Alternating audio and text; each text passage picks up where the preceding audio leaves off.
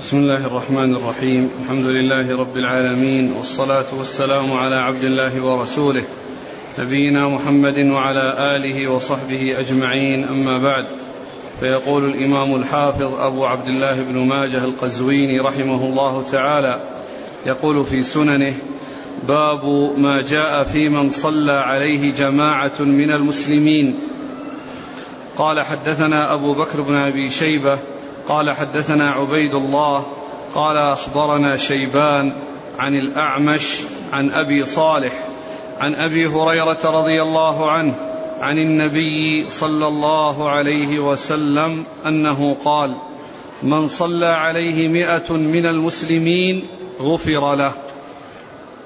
بسم الله الرحمن الرحيم. الحمد لله رب العالمين وصلى الله وسلم وبارك على عبده ورسوله نبينا محمد وعلى آله وأصحابه أجمعين. أما بعد فيقول الإمام ماجه رحمه الله باب من صلى عليه جماعة من المسلمين. أي في فضل من صلى عليه جماعة من المسلمين يعني جماعة كثيرون لأنه بكثرتهم يحصل من كل واحد منهم الدعاء وكل واحد شافع وداع لله عز وجل فكثرة المصلين وكثرة الداعين وكون الإنسان عندما يموت أحوج ما يكون إلى الدعاء له لأنه انتقل من الدار الدنيا إلى من دار العمل إلى دار الجزاء. فذلك دال على على فضله وعلى الخير الذي قد حصل له لأنه بذلك حصل دعاء كثير من, من, من أناس كثيرين له بالمغفرة. وقد أورد هذا الحديث عن أبي هريرة رضي الله عنه. أن النبي صلى الله عليه وسلم قال من صلى عليه مئة من صلى عليه مئة من المسلمين غفر له. يعني هذا يعني يدل على على حصول هذه الفضيلة وعلى حصول هذا الثواب لمن حصل أن صلى عليه هذا العدد. ولا يعني ذلك أن هذا العدد إذا صلى عليه من دون ذلك فإنه يكون الأمر بخلاف ذلك. ولكن هذا يدل على أنه كلما كثر المصلون كلما كان آه، آه، كثرة الدعاء وكل ما كان حصول الشفاعة من عدد كبير من الناس فإن ذلك من أسباب المغفرة له. وقد جاء في الحديث في بعض الأحاديث ما يدل على أن من صلى عليه دون ذلك فإنه على خير. وذكر العدد الكبير لا ينفي يعني أن يثبت مثله لما هو دونه ولكن هذا يدل على أن حصول الكثرة يعني فيها خير وفيها فائدة وأنه إذا كثر المصلون على الإنسان فإنه يرجى له الخير والثواب بكثرة دعاء الداعين وصلاة المصلين عليه الذين يدعون له ويخلصون له الدعاء. نعم. قال من صلى؟ من صلى؟ من صلى عليه مئة من المسلمين غفر له. نعم. الإسناد؟ قال حدثنا أبو بكر بن أبي شيبة. أبو بكر بن أبي شيبة هو عبد الله بن محمد بن إبراهيم بن عثمان وهو ثقة أخرجه أصحاب الكتب إلا الترمذي وهو الذي أكثر عنه الإمام مسلم وروى عنه أحاديث يعني تبلغ يعني 1400 أو 1500 فهو أكثر شيوخه أي شيوخ مسلم أخذا عنه لأن مسلم أكثر الرواية عنه حتى بلغت أحاديث التي رواها عنه يعني هذا المقدار. نعم. عن عبيد الله. عبيد الله بن موسى ثقة أخرج أصحاب الكتب. عن شيبان. شيبان بن عبد الرحمن وهو ثقة أخرج أصحاب الكتب. عن الأعمش. الأعمش سليمان بن مهران الكاهلي الكوفي ثقة أخرج أصحاب الكتب. عن أبي صالح. أبو صالح هو ذكوان السمان مشهور بكنيته وبلقبه آه، وهو السمان وهو ثقة أخرج أصحاب الكتب. عن أبي هريرة. أبو هريرة عبد الرحمن بن صخر الدوسي رضي الله عنه أكثر الصحابة حديثا. قال حدثنا إبراهيم بن المنذر الحزامي قال حدثنا بكر بن سليم قال حدثني حميد بن زياد الخراط عن شريك عن كريب مولى عبد الله بن عباس قال هلك ابن لعبد الله بن عباس فقال لي يا كريب قم فانظر هل اجتمع لابني أحد؟ فقلت نعم. فقال ويحك كم تراهم؟ أربعين؟ قلت لا بل هم أكثر. قال فاخرجوا بابني. فأشهد لسمعت رسول الله صلى الله عليه وسلم يقول ما من أربعين من مؤمن يستغفرون لمؤمن إلا شفعهم الله. ثم ذكر هذا الحديث عن ابن عباس رضي الله تعالى عنهما وأنه كان له ابن وأنه توفي وأنه لما يعني جاء به للصلاة عليه سأل يعني كم عددهم هل أربعين؟ قال بل أكثر قيل بل أكثر ثم ذكر الحديث عن النبي عليه الصلاة والسلام أن من صلى عليه يعني أربعون يدعون له إلا شفعهم الله يعني قبل شفاعتهم فيه يعني لأنهم شفعاء يعني دعاة دعاء يعني يدعون الله عز وجل لأنهم يدعون الله عز وجل وهذه هي الشفاعة يعني يشفعون له بأن يدعوا له فيشفعهم الله فيه يعني بأن يقبل دعاءهم. وأن يقبل شفاعتهم أي دعاءهم الذي دعوا به له من دعاء من المغفرة والرحمة. فهذا يدل على أن من صلى عليه هذا العدد وهو دون المئة كما هو معلوم فإن آه، فيه هذا الفضل وفيه هذا الثواب يعني كونهم يستغفرون له ويدعون له فيغفر الله له بقبول شفاعتهم. وقبول دعائهم فهذا يدلنا على أن كثرة العدد وكثرة الداعين آه، فيه فائدة كبيرة للمصلى عليه والميت الذي أحضر للصلاة عليه لأنهم يدعون له ويستغفرون ويسأل الله له المغفرة والرحمة. ولهذا ابن عباس رضي الله عنه لما علم بأن العدد زاد على أربعين ذكر هذا الحديث الذي سمعه من رسول الله. عليه الصلاة والسلام وأن آه، هذا العدد يشفع لمن أو يقبل الله شفاعة من حصل منه في الصلاة على ميت. نعم. قال حدثنا إبراهيم بن المنذر الحزامي. هو. صدوق وجل البخاري والترمذي والنسائي بن ماجه. نعم. عن بكر بن سليم. وهو. مقبول وجل البخاري في المفرد وابن ماجه. نعم. عن حميد بن زياد بن الخراط. وهو؟ صدوق يهم نعم. وجل البخاري في المفرد ومسلم. وأبو داود والترمذي والنسائي في مسند علي نعم. وابن ماجه. نعم. عن شريك. شريك بن عبد الله شريك بن أبي نمر. شريك بن عبد الله بن أبي نمر بن أبي نمر, بن أبي نمر. وهو متقدم لأن شريك إذا جاء في طبقة متقدمة فالمراد به ابن أبي نمر هذا. وإذا جاء في طبقة متأخرة فالمراد به شريك القاضي شريك بن عبد الله النخعي الكوفي القاضي الذي يأتي في طبقة شيوخ شيوخ أصحاب الكتب الستة. طبقة شيوخ شيوخ أصحاب الكتب الستة. فهذا في طبقة متأخرة. ويأتي ذكره مهملا غير منسوب. وكذلك هذا يأتي ذكره مهملا غير منسوب. لكنه لا يلتبس. هذا بهذا. لأن لأنه إذا جاء هذا في طبقة متأخرة في طبقة التابعين أو أتباع التابعين فإنه بن أبي نمر. وإذا جاء في طبقة متأخرة فإنه يراد به شريك بن عبد الله النخعي الكوفي. وهو؟ صدوق يخطئ خرج نعم. أصحاب الكتب إلا الترمذي في الشمائل. نعم. وهذا هو الذي جاء من طريقه الحديث الذي في البخاري في آخره اللي في كتاب في باب الإسراء. في, في, في قصة الإسراء والمعراج وفيه أغلاط كثيرة وأوهام كثيرة من هذا الرجل. يعني آآ آآ ذكرها ابن كثير في تفسيره في سورة الإسراء وذكر الحافظ بن حجر. يعني جملة من الأوهام والأغلاط التي جاءت عنه في حديث الإسراء الطويل الذي أورده البخاري في صحيحه وفيه جملة من الأوهام نبه عليها أهل العلم لأنها لما جاءت إلا من طريقه وهو يعني يغلط وهذا عدوه من أغلاطه. نعم. عن كريب مولى ابن عباس. وهو ثقة أخرج أصحاب الكتب. عن ابن عباس. ابن عباس عبد الله بن عباس بن عبد المطلب ابن عم النبي عليه الصلاة والسلام وأحد العباد له الأربعة من أصحابه الكرام وأحد السبعة المعروفين بكثرة الحديث عن النبي صلى الله عليه وسلم. والحديث في إسناده من هو متكلم فيه ولكنه ثابت من طرق أخرى.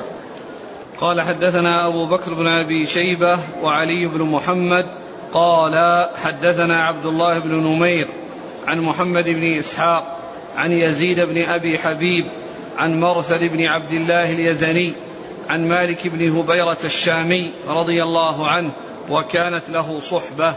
قال كان إذا أتي بجنازة فتقال من تبعها جزأهم ثلاثة صفوف ثم صلى عليها وقال إن رسول الله صلى الله عليه وسلم قال ما صف صفوف ثلاثة من المسلمين على ميت إلا أوجب.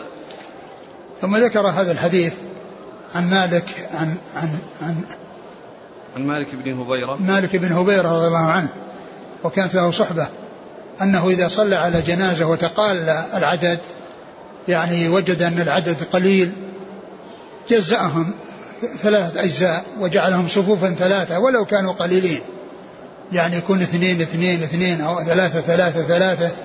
ثم ذكر هذا الحديث أن النبي صلى الله عليه وسلم قال قال ما صف صفوف ثلاثة من المسلمين على ميت إلا أوجب. ما صف صفوفا ثلاثة على ميت من المسلمين إلا أوجب. يعني أوجب يعني آه، آه، الجنة أو المغفرة.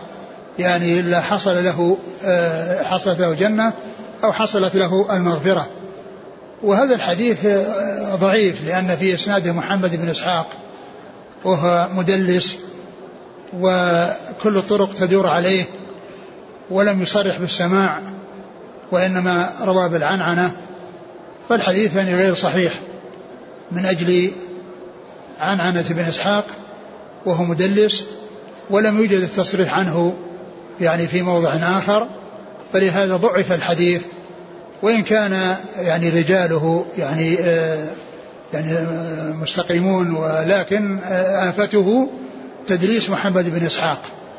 ومحمد بن إسحاق صدوق يعني ولا يعني ولا آفة عنده إلا التدليس. فإنه إذا صرح بالسماع فإن حديثه حجة وإذا دلس ولم يعرف تصريحه بالسماع في موضع آخر ولم يأتي الحديث من طرق أخرى فإنه آه، بذلك يكون غير ثابت. ولهذا فإن هذا الحديث غير صحيح وأنه لا يجزع الناس إلى أجزاء ثلاثة أو إلى صفوف ثلاثة وأنه يقسمون هذا التقسيم لأنه جاء في هذا الحديث والحديث غير صحيح نعم. قال حدثنا أبو بكر بن أبي شيبة وعلي بن محمد علي بن محمد الطنافسي وهو وهو ثقة أخرجه مسلم النسائي في مسند علي وابن ماجه. عن عبد الله بن نمير وهو ثقة أخرج أصحاب الكتب. عن محمد بن إسحاق وهو صدوق أخرج له البخاري تعليقا البخاري تعليقا ومسلم وأصحاب السنة. عن يزيد بن أبي حبيب وهو ثقة أخرج أصحاب الكتب. عن مرثد بن عبد الله اليزني. وهو ثقة أخرج أصحاب الكتب. عن مالك بن هبيرة الشامي. رضي الله عنه أخرج له أبو داود. والترمذي وابن ماجه. الترمذي وابن ماجه نعم. يقول السائل لماذا قال في الحديث الأول مئة وفي الثاني ذكر أربعين؟ وفي الأول قال من المسلمين والثاني قال من لمؤمن. يعني كما هو معلوم أصلا الصلاة يعني إنما هي من المسلمين ولا يصلي إلا المسلمون هم الذين يعني آه، تحصل منهم الصلاة. يعني فهذا يبين يعني ان انهم من المؤمنين أو المسلمين يدعون له ومعلوم أن هذا يعني صفة آه، كاشفة موضحة ليس معنى ذلك أن غير المسلمين يعني يصلون وتقبل صلاتهم. يعني غير المسلمين اللي هم الكفار لا يصح منهم صلاة. وإن كانوا مخاطبين بالأصول والفروع ولكنها لا تصح منهم الفروع إلا إذا أتوا بالأصول. أما بدون أصول فإنها لا تنفعهم العباد لا تنفعهم الأعمال التي يعني فيها خير سواء كانت يعني صلاة أو صدقة أو أي عمل من الأعمال لا ينفعهم لقول الله عز وجل وقدمنا إلى ما عملوا من عمل فجعلناه هباء منثورا. فكلمة من المسلمين يعني ليس لها مفهوم من ناحية أن أن غيرهم قد يحصل له ذلك وإنما هذا يعني توضيح وبيان. نعم. هو الفرق بين العدد؟ وكذلك الفرق بين العدد لا تنافي بينهما لأن العدد كما ذكرت آنفا أن هذا ذكر مئة فلا يعني يدل على أن ما دونه لا يكون كذلك لأنه قد جاء ما يدل على أن ما كان دونه ورد فيه ما يدل على حصول ولكن ولكنه بلا شك كلما زاد العدد فهو أحسن مما إذا نقص. يعني في المئة أحسن من الأربعين والمئتين أحسن من المئتين أحسن من المئة والأربعمائة أحسن من المئتين وهكذا. كلما كثر العدد كثر الداعون. كثر الداعون فيرجى يعني صاحبه الخير. نعم. هل يستدل بهذه الأحاديث على مسألة الشفاعة في من استحق دخول النار ألا يدخلها؟ آه هذا ما تدل. أقول هذه الأحاديث لا تدل وإنما تدل على يعني على حصول المغفرة وأن الله قد يغفر. وليس معنى ذلك أنه إذا حصل لأن هذا كله يرجع إلى مشيئة الله عز وجل. إلى مشيئة الله إن شاء أن يغفر لمن حصل منه الذنوب يعني آه، غفر وإن شاء أن يعذبه على ما حصل من الذنوب ثم يدخله النار ويدخله النار ولكنه لا يخرج يخلد بها وإنما يخرج منها ويدخل الجنة. فمن استحق النار الشفاعة الدليل عليه الحديث الذي فيه اللهم سلم سلم يعني كونهم على الصراط اللهم سلم سلم لأن هذا هو الدليل على أن من استحق النار لا يدخلها. لأن قول اللهم سلم سلم يعني يعني يسلم من يستحق النار أن يدخلها أن يسلم منها وأن يتجاوز النار فيمر على الصراط. هذا هو الحديث المشهور الذي يدل على هذه المسألة. ولهذا ابن القيم رحمه الله في تهذيب السنن لما ذكر الشفاعات وذكر الشفاعة في من استحق النار لا يدخلها قال ولا يحضرني دليل على ذلك. ولا يحضرني دليل على ذلك لكن الدليل هو هذا. لأن لأن كون الرسول عليه الصلاة والسلام يعني على الصراط يقول اللهم سلم سلم يعني سلم من دخول النار يعني من استحق أن يدخلها لأنهم ما ما مارون على الصراط. نعم. قال رحمه الله تعالى باب ما جاء في الثناء على الجنازة. قال حدثنا أحمد بن عبدة قال حدثنا حماد بن زيد عن ثابت عن أنس بن مالك رضي الله عنه أنه قال مر على النبي صلى الله عليه وسلم بجنازة فأثني عليها خيرا فقال وجبت. ثم مر عليه بجنازة فأثني عليها شرا فقال وجبت. فقيل يا رسول الله قلت لهذه وجبت ولهذه وجبت فقال شهادة القوم والمؤمنون شهود الله في الأرض. ثم ذكر باب باب الثناء على الجنازة. نعم. باب الثناء على الجنازة. يعني الثناء الحسن والثناء السيء لأنه يعني يطلق على يعني على هذا ثناء وعلى هذا ثناء. ولهذا جاء في الحديث أثنوا عليها خيرا أثنوا عليها شرا. أثنوا عليها خيرا أثنوا عليها شرا. فذكر هذا الحديث عن أنس رضي الله عنه أن النبي عليه الصلاة والسلام مر عليه بجنازة فأثنوا عليها خيرا. يعني الصحابة الذين كانوا معه أثنوا على هذه الجنازة خيرا فقال وجبت. ثم مر بجنازة أخرى فأثنوا عليها شرا قال وجبت. يعني معناه أن أن أن أن, أن من أثني عليه بخير فهو على خير ويرجى له الخير ومن أثني عليه بشر فيخاف عليه الشر. فسألوا النبي عليه الصلاة والسلام فقال إن, أن أن أنهم شهداء الله في أرضه يعني الذين يشهدون يعني على جنازة بالخير فهي على خير وإذا شهدوا على جنازة بالشر فهي بخلاف ذلك. و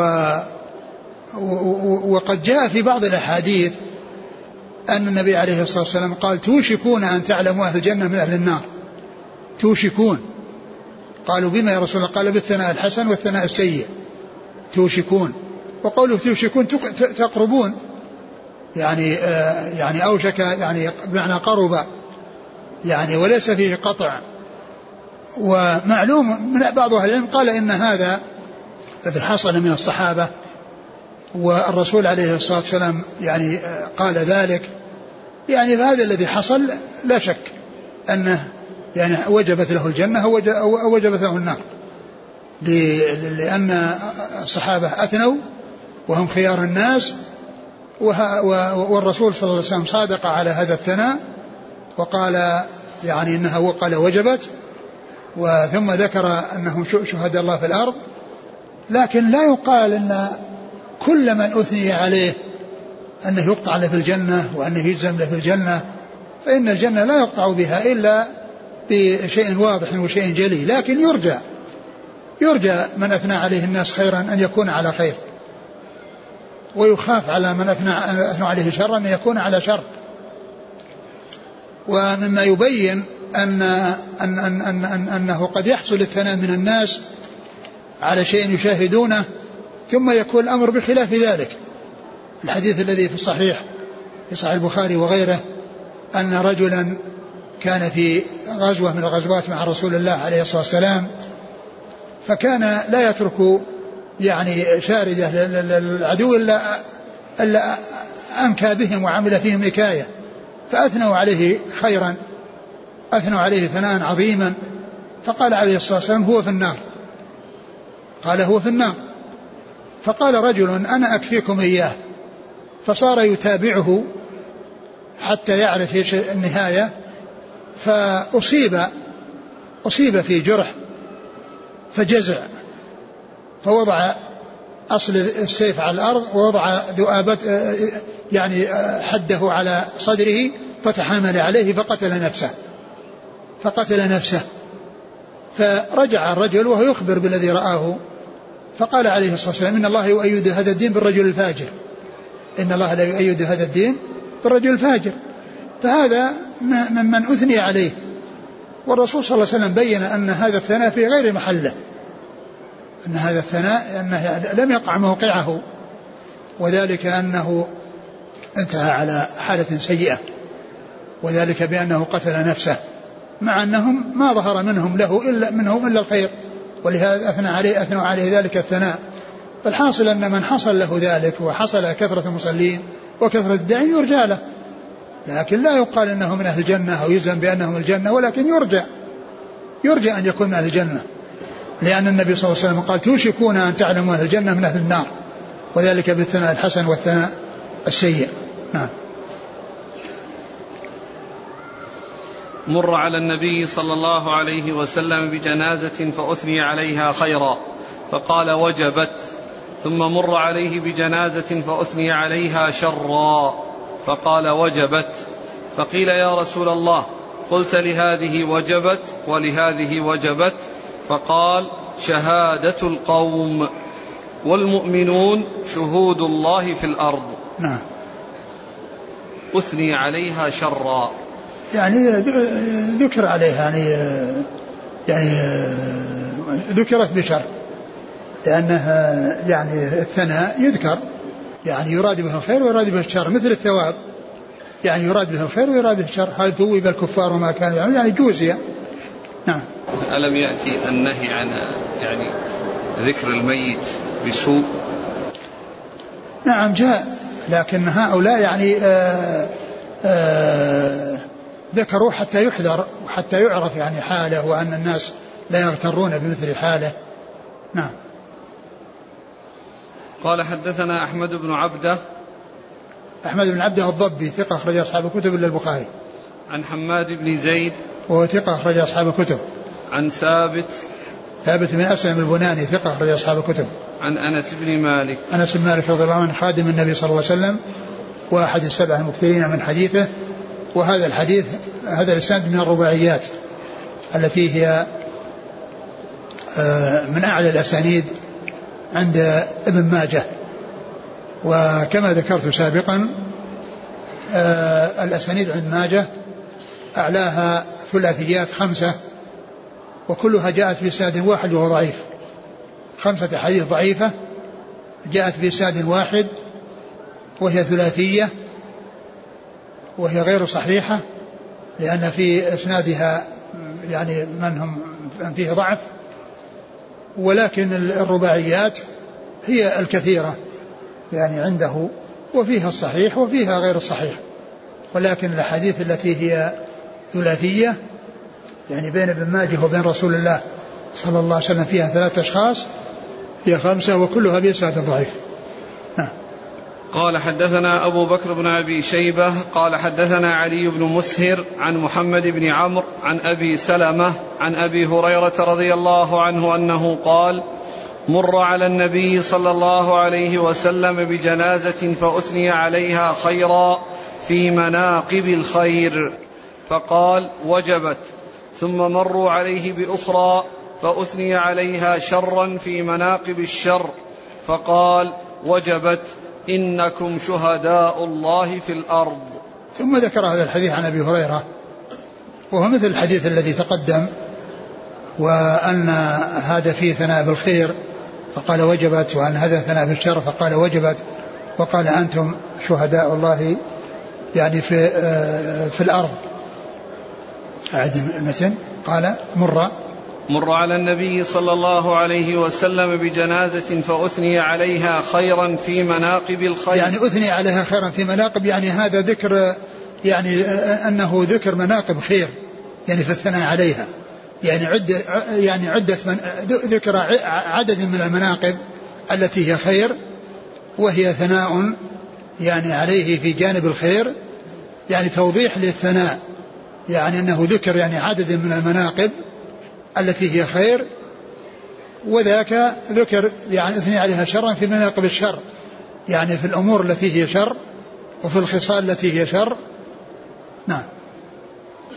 فقال وجبت ثم مروا عليه بأخرى فأثني عليها شرا في مناقب الشر.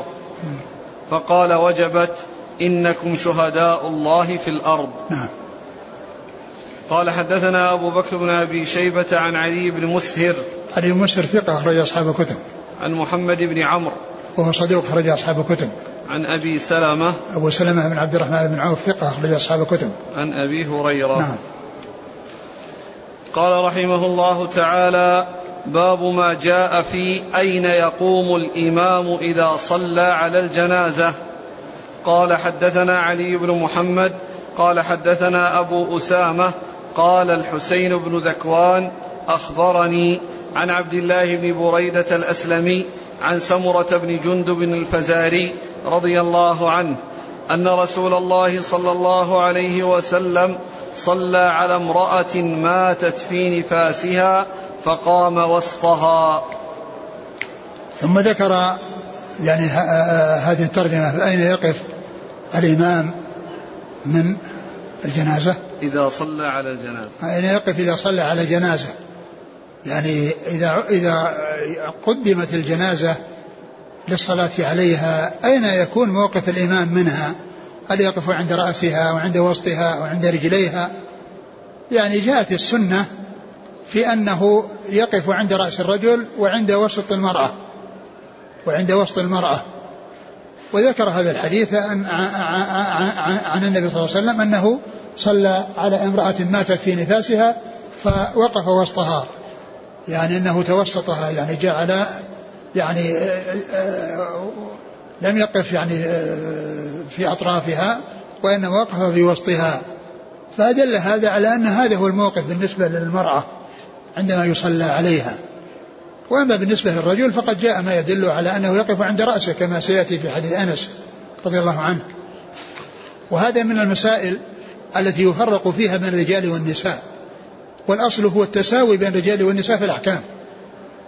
الأصل هو أن الأحكام لا فرق فيها بين الرجال والنساء. إلا إذا جاء دليل يدل على التمييز بين الرجال والنساء فعند ذلك يصار إلى التفريق. وهذا منه. هذا من المسائل التي يفرق فيها بين الرجال والنساء في الأحكام. وقد جاءت أحاديث كثيرة في التفريق بين الرجال والنساء في الأحكام. يعني منها يعني هذا ومنها الحديث الذي فيه يغسل من بول الجارية وينضح من بول الغلام. يعني فهناك أحاديث جاءت مفرقة ومفصلة.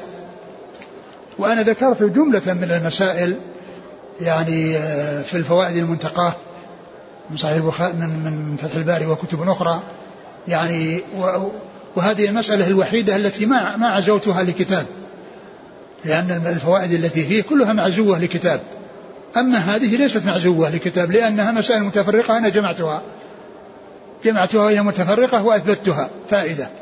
لكن دون أن أعزوها إلى كتاب. وكما قلت هي المسألة الوحيدة التي لم تعزى في الفوائد المنتقاة. لأنها ليست مأخوذة من كتاب وإنما هي مجمعة. أنا جمعتها من الأحاديث وهي عدد يعني لا بأس به. وهذا منها يعني هذه المسألة وغيرها من المسائل. نعم. هل هناك حكمة؟ والله ما نعلم. ما أقول ما نعلم يعني حكمة في هذا الله أعلم. لكن كما هو معلوم الأصل أو الواجب هو أن يؤخذ بالسنة سواء عرفت الحكمة أو لم تعرف. مثل ما جاء عن عمر رضي الله عنه لما جاء وقبل الحجر الأسود. وقال قبل أن أقبله إني أعلم أنك حجر لا تضر ولا تنفع ولولا أني رأيت رسول الله صلى الله عليه وسلم يقبله كما قبلتك.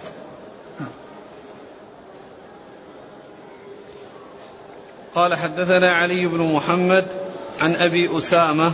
أبو أسامة حماد بن أسامة ثقة أخرج أصحاب الكتب. عن الحسين بن ذكوان وهو ثقة ربما وهم أخرج أصحاب الكتب. نعم. عن عبد الله بن بريدة الأسلمي نعم. وهو ثقة أخرج أصحاب الكتب. عن سمرة بن جندب الفزاري. رضي الله عنه أخرج أصحاب الكتب.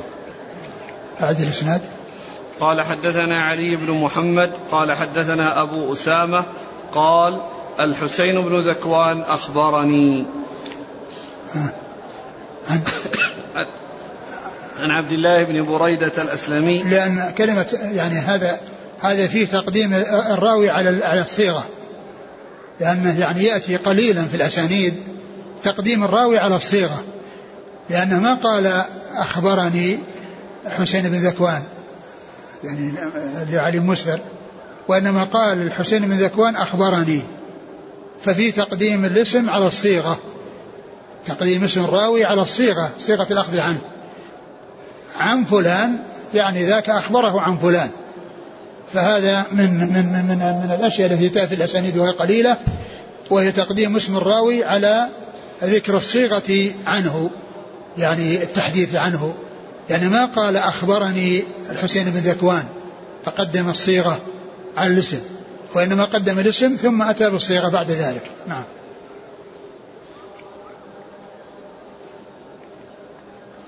قال حدثنا نصر بن علي الجهضمي قال حدثنا سعيد بن عامر عن همام عن أبي غالب قال رأيت أنس بن مالك رضي الله عنه صلى على جنازة رجل فقام حيال رأسه فجيء بجنازة أخرى بامرأة فقالوا يا أبا حمزة صل عليها فقام حيال وسط السرير فقال له العلاء بن زياد يا أبا حمزة هكذا رأيت رسول الله صلى الله عليه وسلم قام من الجنازة مقامك من الرجل وقام من المرأة مقامك من المرأة قال نعم فأقبل علينا فقال احفظوا. ثم ذكر هذا الحديث عن أنس رضي الله عنه اللي فيه التفصيل وهو ان أن الرسول عليه الصلاة والسلام وقف عند رأس الرجل ووقف عند رأس المرأة. وأنس رضي الله عنه فعل كما فعل رسول الله عليه الصلاة والسلام. وسأله السائل يعني هذا الفعل الذي فعلته يعني هل الرسول صلى الله عليه وسلم وقف من الرجل مثل موقفك؟ ومن المرأة مثل موقفك؟ قال نعم. وهذا يدلنا على أن الصحابة رضي الله عنهم وأرضاهم يبادرون إلى تنفيذ ما جاء عن الرسول عليه الصلاة والسلام بأفعالهم. يعني فيفعلون السنن كما جاءت عن رسول الله عليه الصلاة والسلام. ولهذا لما سئل أرأيت رسول الله عليه الصلاة والسلام فعل كذا؟ قال نعم. فهذا يدلنا على أن هذه سنة جاءت عن رسول الله عليه الصلاة والسلام وأن الصحابة رضي الله عنهم رضي الله عنهم هم الحريصون على كل خير وهم السباقون إلى كل خير وأنهم يجمعون بين العلم والعمل كما جاء عن مسعود رضي الله عنه. كنا إذا تعلمنا عشر آيات من القرآن لم نتجاوزهن حتى نتعلم معانيهن فتعلمنا العلم والعمل جميعا. فهذا شأن أصحاب رسول الله عليه الصلاة والسلام. أهل علم وعمل يعلمون ويعملون. ومن المعلوم أن العمل العمل هو ثمرة العلم وهو فائدة العلم. وإذا وجد العلم بدون عمل صار وبالا على الإنسان كما قال عليه الصلاة والسلام في الحديث الصحيح الذي رواه مسلم في صحيح والقرآن حجة لك أو عليك وفي صحيح مسلم من حديث ابن مالك الأشعري رضي الله عنه. وكذلك في صحيح مسلم عن عمر إن الله يرفع بهذا الكتاب قواما ويضع به آخرين. يعني هذا كما هو معلوم بالعمل بالعمل بالعلم. فأنس رضي الله عنه وأرضاه يعني شأنه في هذا كما هو معروف عن الصحابة أنهم سباقون إلى كل خير وحريصون على كل خير وأنهم تلقوا السنن عن رسول الله عليه الصلاة والسلام وعملوا بها وبلغوها كما جاءت وكما رووها عن رسول الله صلوات الله وسلامه وبركاته عليه ورضي الله تعالى عنهم وأرضاهم. قال لما سأله قال العلاء بن زياد قال احفظوا يعني احفظوا هذه السنة التي فعلها أنس اقتداء برسول الله عليه الصلاة والسلام وصرح بأنه إنما فعل كما فعل رسول الله عليه الصلاة والسلام حيث أن هذه هي سنة الرسول عليه الصلاة والسلام. ويعمل بالسنة سواء عرفت الحكمة أو لم تعرف. سواء عرفت الحكمة أو لم تعرف. ويمكن أن يكون والله أعلم قد يكون أن أن أن التفريق يعني بينها قد يكون من فوائده أن يعرف الرجل من المرأة. وأنه إذا وقف عند رأس الرجل فهو عند رأس الجنازة فهو رجل وعند وسطها فهو امرأة. ومن المعلوم أن كل له ضمير. يعني اللهم اغفر له وارحمه واللهم اغفر له وارحمها. نعم. قال حدثنا نصر بن علي الجهضمي. نصر بن علي الجهضمي ثقة أخرج أصحاب الكتب. عن سعيد بن عامر وهو ثقة أخرج أصحاب الكتب. نعم. عن همام همام بن يحيى العودي ثقة أخرج أصحاب الكتب. عن أبي غالب وهو نافع. الباهلي الخياط أخرج ثقة. أخرج أبو داود والترمذي بن ماجه. نعم. عن أنس بن مالك. نعم. يقول السائل إذا اجتمعوا رجال ونساء وأطفال فأين يكون موقف الإمام؟ معلوم أن المقدم هو الرجال فيكون موقفه عند رأس الرجل لأنه أقرب من يكون إليه أقرب من يكون إليه الرجال فهو يقف يعني عند رأس الرجل الذي هو أقرب إنسان إليه أو أقرب ميت إليه. نعم. قال رحمه الله تعالى باب ما جاء في القراءة على الجنازة. قال حدثنا أحمد بن منيع قال حدثنا زيد بن الحباب قال حدثنا إبراهيم بن عثمان عن الحكم عن مقسم عن ابن عباس رضي الله عنهما أن النبي صلى الله عليه وعلى آله وسلم قرأ على الجنازة بفاتحة الكتاب. ثم ذكر القراءة على الجنازة. يعني الجنازة عندما تقدم ويصلى عليها فيقرأ بفاتحة الكتاب أولا ثم يصلى على النبي صلى الله عليه وسلم ثانيا ثم يدعى الميت يعني بعد ذلك سواء بعد التكبيرة الثالثة وكذلك بعد الرابعة. فهنا قال القراءة على الجنازة يعني قراءة القرآن. وقد جاءت السنة في ذلك عن رسول الله عليه الصلاة والسلام جاء عن ابن عباس أنه فعل ذلك وقال إن لتعلموا سنة نبيكم محمد صلى الله عليه وسلم وذكره هنا مرفوعا ولكن في إسناده رجل متروك فهو كونه مرفوعا بهذه الصيغة يعني آه، في هذا الإسناد يعني في رجل متروك وهو إبراهيم بن عثمان ولكنه ثابت عن ابن عباس يعني إنه صلى يعني وقال إنها سنة ولتعلموا أنها سنة. ومن المعلوم أن الصحابي إذا قال سنة المقصود بها سنة الرسول صلى الله عليه وسلم. إذا قال الصحابي من السنة كذا أو قال لتعلموا أنها سنة. يعني فهذا يعني معناه أنه مضاف إلى الرسول عليه الصلاة والسلام وهو يسمونه مرفوعا حكما. أما إذا قال قال رسول الله صلى الله عليه وسلم فهذا مرفوع تصريحا. والحديث الذي معنا مرفوع تصريحا ولكنه غير صحيح. لأن فيه رجل متروك وهو إبراهيم ابن عثمان الذي هو جد أبو بكر بن أبي شيبة. جد أبي بكر بن أبي شيبة لأن أبو بكر بن أبي شيبة هو عبد الله بن محمد بن إبراهيم بن عثمان. عبد الله بن محمد ابن إبراهيم بن عثمان. فجده هذا الذي جاء في الإسناد وهو متروك. فالسنة ثابتة عن رسول الله عليه الصلاة والسلام بأنه يقرأ على الجنازة بفاتحة الكتاب ثم يصلى على النبي عليه الصلاة والسلام كما جاء في حديث أبي أمامة رضي الله عنه و ثم يدعى الميت. وكون الفاتحة شرعت في الأول ثم الصلاة على النبي صلى الله عليه وسلم في الثاني هذا من أسباب قبول الدعاء. لأن من أسباب قبول الدعاء أن يسبق بحمد الله والثناء عليه والصلاة على رسول الله عليه الصلاة والسلام.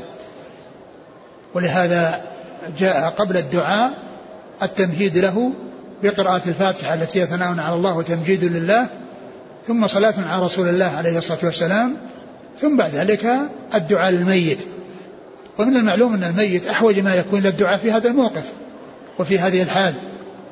ولهذا يعني آه، جاء آه، يعني يعني تقديم الصلاة الحمد لله والصلاة على الرسول عليه الصلاة والسلام وهذا من أسباب قبول الدعاء. وجاء أيضا الأمر بإخلاص الدعاء. يعني الإنسان يعني يقبل على الدعاء الميت وأن يكون بقلب حاضر. ما يكون لاهي وإنما أو, أو ساهي وإنما يكون مقبل وملح على الله في الدعاء وسائل مبتهل الله عز وجل يعني بقلب حاضر. ف لأن الميت في هذه الحال أحوج ما يكون إلى الدعاء عندما ينتهي من هذه الدنيا. لأنه انتهى من دار العمل وانتقل إلى دار الجزاء كما جاء عن علي رضي الله عنه أنه قال إن الدنيا قد ارتحلت مدبرة وإن الآخرة قد ارتحلت مقبلة ولكل منهما بنون فكونوا من أبناء الآخرة ولا تكونوا من أبناء الدنيا فإن اليوم عمل ولا حساب وغدا حساب ولا عمل. فإن اليوم عمل ولا حساب وغدا حساب ولا عمل. فهو الآن انتهى من دار العمل. وأقدم على ما قدم فهو أحوج ما يكون إلى أن يدعى له وأن يستغفر له. نعم. قال حدثنا أحمد بن منيع ثقة أخرج أصحاب الكتب. عن زيد بن الحباب وهو صدوق أخرج له. خارج في القراءة ومسلم وأصحاب السنة. نعم. عن إبراهيم بن عثمان وهو متروك أخرج له. الترمذي وابن ماجه. نعم. وهذا كما قلت لكم هو جد أبو بكر بن أبي شيبة.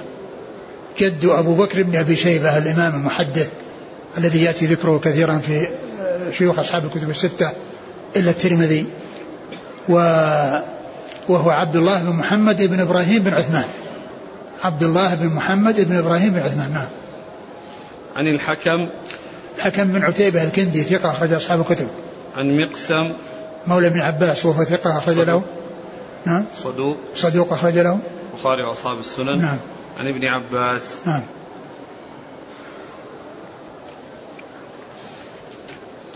قال حدثنا عمرو بن أبي عاصم النبيل وإبراهيم بن المستمر. قال حدثنا أبو عاصم قال حدثنا حماد بن جعفر العبدي.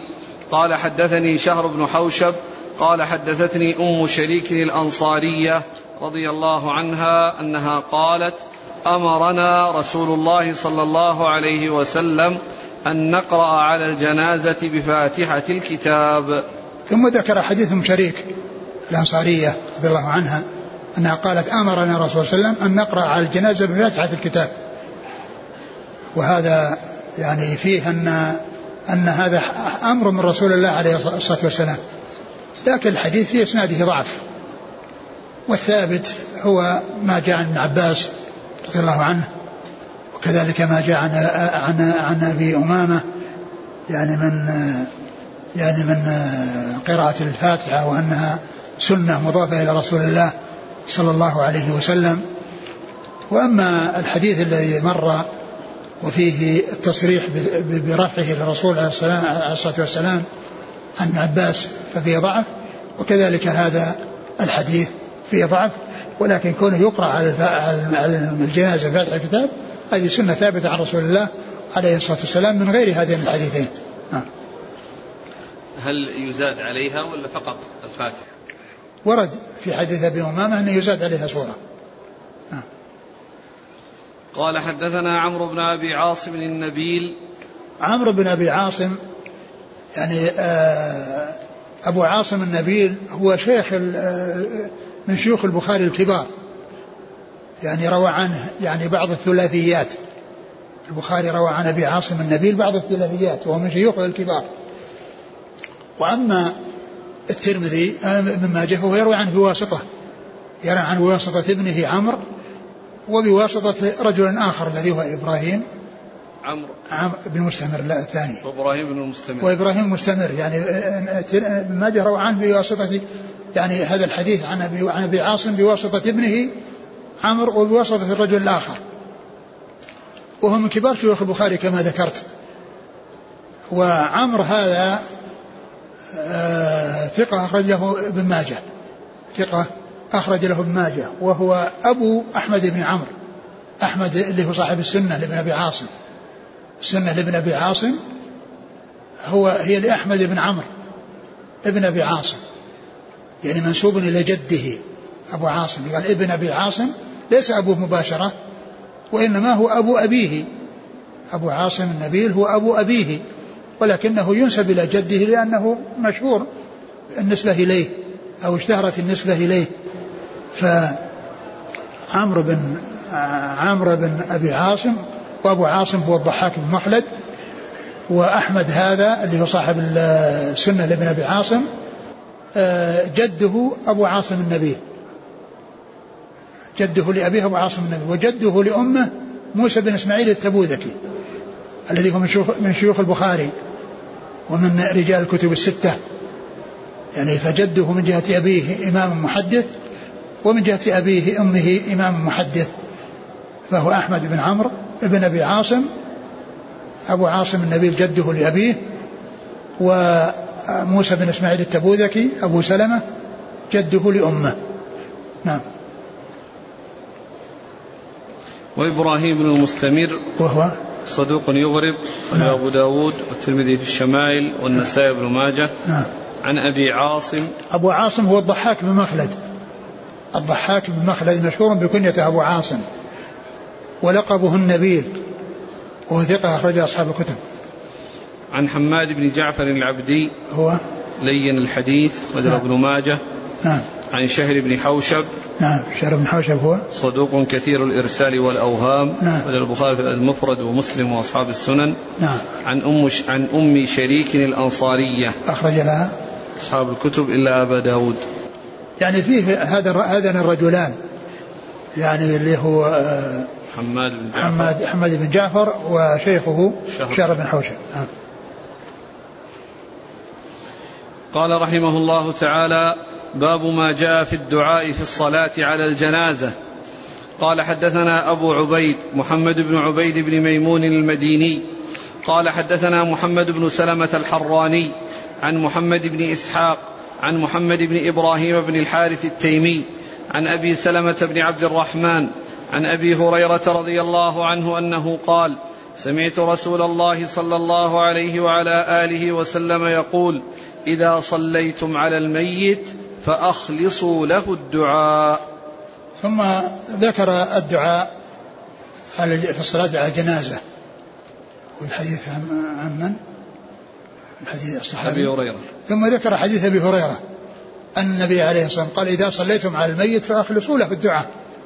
يعني اجتهدوا في الدعاء له وأن تكونوا متيقظين حاضر الذهن حاضر القلب ما يكون عندكم غفلة وسهو وإنما تقبلون يعني آه، على الله عز وجل وتسألونه وتسألونه له المغفرة والرحمة لأنه أحوج ما يكون في هذا الموقف إلى أن يدعى له. ولهذا قال أخلصوا له الدعاء. يعني معناه أنهم يقبلون بقلوبهم وأن يكون ذلك بتيقظ منهم وتنبه ليس هناك غفلة ولا سهو بحيث أنه تمضي هذه الدقائق دون أن يدعو له لأنه لاه غافل أو يدعو يعني وهو غير يعني يعني غير مهتم وغير يعني مشفق على هذا الرجل على هذا الميت. يعني بل عليه أن يخلص له الدعاء وأن يسأل الله عز وجل وأن يقبل عليه بقلبه وقالبه يعني يقبل عليه يعني بظاهره وباطنه. ما يكون آه، يحصل عنده غفلة وسهو نعم. إذا صليتم على الميت فأخلصوا له الدعاء. نعم. قال حدثنا أبو عبيد محمد بن عبيد بن ميمون المديني. وهو؟ صدوق يخطئ خرج البخاري وابن ماجه. نعم. عن محمد بن سلمة الحراني. وهو ثقة أخرج له البخاري في القراءة ومسلم وأصحاب السنة. عن محمد بن إسحاق عن محمد بن إبراهيم بن الحارث التيمي. محمد بن إبراهيم بن الحارث التيمي ثقة أخرج أصحاب الكتب. عن أبي سلمة عن أبي هريرة. نعم وهذا فيه فيه إسناد محمد بن إسحاق وهو مدلس وقد روى بالعنعنة ولكنه صرح بالسماع في صحيح ابن حبان. نعم. قال حدثنا سويد بن سعيد قال حدثنا علي بن مسهر عن محمد بن إسحاق عن محمد بن إبراهيم عن أبي سلمة عن أبي هريرة رضي الله عنه أنه قال كان رسول الله صلى الله عليه وسلم إذا صلى على جنازة يقول اللهم اغفر لحينا وميتنا وشاهدنا وغائبنا وصغيرنا وكبيرنا وذكرنا وأنثانا. اللهم من أحييته منا فأحيه على الإسلام ومن توفيته منا فتوفه على الإيمان. اللهم لا تحرمنا أجره ولا تضلنا بعده. ثم ذكر هذا الحديث آه، عن أبي هريرة رضي الله عنه أن النبي صلى الله عليه وسلم يعني ذكر هذا الدعاء. إيش قال في أوله؟ قال كان صلى الله عليه وسلم إذا صلى على جنازة يقول نعم كان إذا صلى على جنازة يقول اللهم اغفر لحينا وميتنا وصغيرنا وكبيرنا وذكرنا وأنثانا وشاهدنا وغائبنا. اللهم من احييته فاحيه على الإسلام وتوفيته على الإيمان وتوفاه على الإيمان. هذا من الأدعية لأنه ترجمة معقودة للدعاء الدعاء الميت في الصلاة على الميت. فهذا دعاء جامع عام. يعني يعني للأحياء والأموات والصغار والكبار والحاضرين والغائبين والأحياء والأموات. فيعني في دعاء للمصلى عليه ولغيره. دعاء المصلى عليه ولغيره. لأنه قال لما اغفر لحينا وميتنا ففي دعاء الأحياء والأموات وشاهدنا وغائبنا الموجودين والغائبين وذكرنا وأنثانا الذكور والإناث صغيرنا وكبيرنا الصغار والكبار اللهم من أحييته منا فأحيه على الإسلام ومن توفيته وتوفى على الإيمان يعني أن يبقى على الإسلام وأن يستمر على الإسلام بأن يأتي بأحكام الإسلام وبشرائع الإسلام وأن يكون مستقرا على الإسلام وكذلك عند الموت يموت على الإيمان. وهو يعني آه، آه، التصديق يعني ب آه، يعني بالله عز وجل وبأنه الإله الحق. وكذلك أيضا بالذكر الذي يعني يكون آخر ما يكون من الإنسان هو شهادة كلمة الإخلاص. من كان آخر كلام من الدنيا لقن واتاكم لا إله إلا الله فإنه من كان آخر كلام من الدنيا لا إله دخل الجنة. وجاء يعني ذكر الوفاة على الإسلام كما جاء في آه، دعاء يوسف عليه الصلاة والسلام وكما آه، جاء أيضا في قول الله عز وجل لا تموتن إلا وأنتم مسلمون ولا تموتن إلا وأنتم مسلمون يعني دوموا على الإسلام حتى إذا وافاكم الأجل يوافيكم وأنتم على حالة طيبة. نعم. قال حدثنا سويد بن سعيد. هو صدوق له مسلم بن ماجه. نعم. عن علي بن مسهر عن نعم. محمد بن إسحاق عن محمد بن إبراهيم عن أبي سلمة عن أبي هريرة. يعني هذا الإسناد آه يعني في محمد بن إسحاق. ولكنه جاء من طريق أخرى عن يحيى بن أبي كثير. يعني يعني فيكون ثابتا يعني من غير هذا الطريق. وهذا الطريق أيضا يكون لها أصل الذي طريق محمد بن إسحاق التي فيها العنعنة. لأنه جاء من طرق أخرى يعني غير طريق ابن إسحاق. فتكون يعني طريق ابن إسحاق هذه قويت بالطرق الأخرى التي ثبتت من غير هذا الطريق. نعم. قال حدثنا عبد الرحمن بن إبراهيم الدمشقي قال حدثنا الوليد بن مسلم قال حدثنا مروان بن جناح قال حدثني يونس بن ميسرة بن حلبس عن واثلة بن الأسقع رضي الله عنه أنه قال صلى رسول الله صلى الله عليه وسلم على رجل من المسلمين فأسمعه يقول اللهم إن فلان ابن فلان في ذمتك وحبل جوارك فقه من فتنة القبر وعذاب النار وأنت أهل الوفاء والحق فاغفر له وارحمه إنك أنت الغفور الرحيم. ثم ذكر هذا الدعاء ما يدعى به على الميت. وأن النبي صلى الله عليه وسلم صلى على جنازة فسمعه واثلة بن أسقع رضي الله عنه. يقول اللهم إن إنه في ذمتك وحبل جوارك يعني أنه في حفظك في حفظك وعهدك وحبل جوارك يعني أنه يعني آه انتقل إلى آه، الدار الآخرة وهو بحاجة إلى إلى عفوك ومغفرتك وسلامته من الشرور. فيعني هذا من الأدعية الثابتة عن رسول الله عليه الصلاة والسلام في الدعاء أو في الدعاء للجنازة نعم. فقه من فتنة القبر وعذاب النار وأنت أهل الوفاء والحق. نعم. قال حدثنا عبد الرحمن بن إبراهيم الدمشقي. هذا هو الملقب دحيم وهو ثقة أخرج له. البخاري وأبو داود والنسائي بن ماجه. نعم. عن الوليد بن مسلم. وهو ثقة أخرج أصحاب الكتب. عن مروان بن جناح. وهو؟ لا بأس به أخرج أبو داود بن ماجه. نعم. عن يونس بن ميسرة بن حلبس. وهو؟ ثقة أخرج أبو داود والترمذي وابن ماجه. نعم. عن واثلة بن الأسقع. رضي الله عنه أخرج له. أصحاب الكتب. نعم. قال حدثنا يحيى بن حكيم قال حدثنا أبو داود الطيالسي قال حدثنا فرج بن فضالة قال حدثني عصمة بن راشد عن حبيب بن عبيد عن عوف بن مالك رضي الله عنه أنه قال شهدت رسول الله صلى الله عليه وسلم صلى على رجل من الأنصار فسمعته يقول اللهم صل عليه واغفر له وارحمه وعافه واعف عنه واغسله بماء وثلج وبرد ونقه من الذنوب والخطايا كما ينقى الثوب الأبيض من الدنس وأبدله بداره دارا خيرا من داره واهلا خيرا من أهله وقه فتنة القبر وعذاب النار. قال عوف فلقد رأيتني في مقامي ذلك أتمنى أن أكون مكان ذلك الرجل. ثم ذكر حديث عوف بن مالك الأشعري رضي الله عنه وهو أنه صلى مع النبي وراء النبي صلى الله عليه وسلم على جنازة فدعا بهذا الدعاء العظيم. وتمنى عوف بن مالك رضي الله عنه أن يكون هو الميت لما سمعه من هذا الدعاء الذي فيه. يعني آآ آه، آآ آه، أنواع من من من طلب الخير له. قال اللهم اللهم اللهم صل عليه. صل عليه واغفر له وارحمه. نعم. وعافه واعف عنه. نعم. واغسله بماء وثلج وبرد. ونقه من الذنوب والخطايا كما ينقى الثوب الأبيض من الدنس يعني أنه يكون نقيا من الذنوب كما يكون الإنسان الذي ينقى بهذه الأنواع من أنواع التنظيف. يعني يكون نقيا نظيفا فيكون يعني خاليا من الذنوب وسالما من الذنوب كما يكون من آه، ينظف بهذه الوسائل آه، ليس عليه آه، ليس فيه شيء مما, مما لا ينبغي فكل هذه